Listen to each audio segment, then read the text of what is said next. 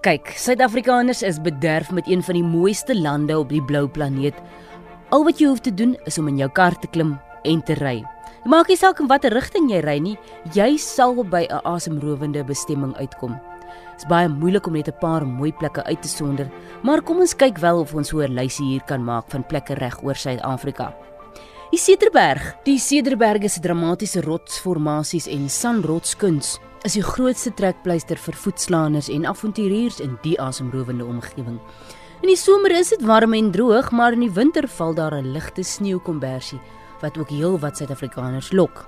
Gaan verken gerus die natuur skoon te voet op een van die menigte staproetes. Verder skuif ons aan na die pragtige toneel in Mpumalanga in die noordelike Drakensberge. Een van die grootste klowe in die wêreld mag ook dalk die grootste groen een wees weens die welige subtropiese flora wat die landskap in skankerings van groen tooi. Die Blyrivier-spoort vorm deel van die panorama roete wat Graskop, God's Window en Burgslak potholes insluit. Galagadi, die beeldskone area in die Noord-Kaap, deel die grens tussen ons in Suid-Afrika en Botswana en strek oor meer as 38000 vierkante kilometer. Die Kalahari Gemsbok Nasionale Park, wat ook deel van die oorgrenspark vorm, is in 1931 gestig om hoofsaaklik die wild wat elke jaar migreer teen stroopers te beskerm. Nou see se kant toe. Willekeurs Die pragtstreek strek vanaf Oos-London tot teen aan KwaZulu-Natal en vorm deel van die voormalige Transkei. Een van die grootste toerismebestemmings in die streek is Coffee Bay met die bekende Hole in the Wall wat 'n plekkie in almal se fotoalbums loslaan na 'n vakansie in die Oos-Kaap. Nou van die Wildekus na die Weskus.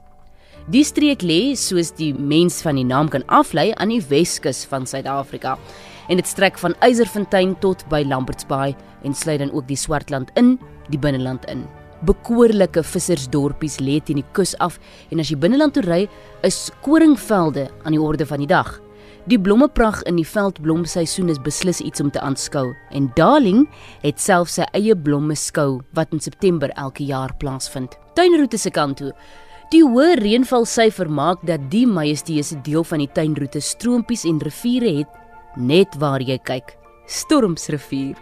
Wielige woude, die rotsagtige kuslyn en die asemrowende uitsigte om elke hoek en draai verseker dat 'n besoek aan die plek om hoog bo aan talle Suid-Afrikaners sê Emmerskop lyksi is. Wandel oor die klippe en tussen die bome op een van die staproetes in die area, byvoorbeeld die gewilde Otter staproete. Dan is dit die Klein Karoo wat lê in 'n vallei tussen twee bergreekse, die Swartberge in die noorde en die Lange Berg uit in die Kwabergreeks in die suide.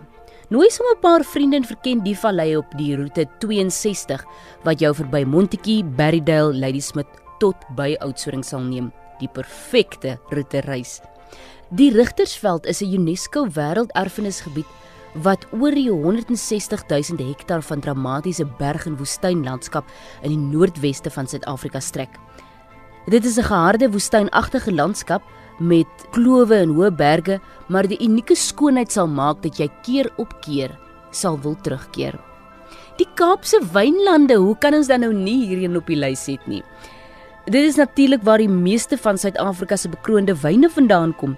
Dit sluit dorpies so Stellenbosch, Parel, Woester en Franshoek in wat deur luisterryke wynplase en beeldskone berge omring is. Nou so gepraat van berge, Drakensberg. Die magiese bergreeks vorm die grens tussen KwaZulu-Natal, die Vrystaat en Mpumalanga en dit strek tot in Limpopo. Dit spog met die mooiste uitkykpunte, uitsigte, natuurtonele en doen dinge wat dit 'n wêreldbekende bestemming maak. So, hoe lyk jou lys? Stem jy saam met hierdie vakansiebestemmings in Suid-Afrika? Laat hoor van jou.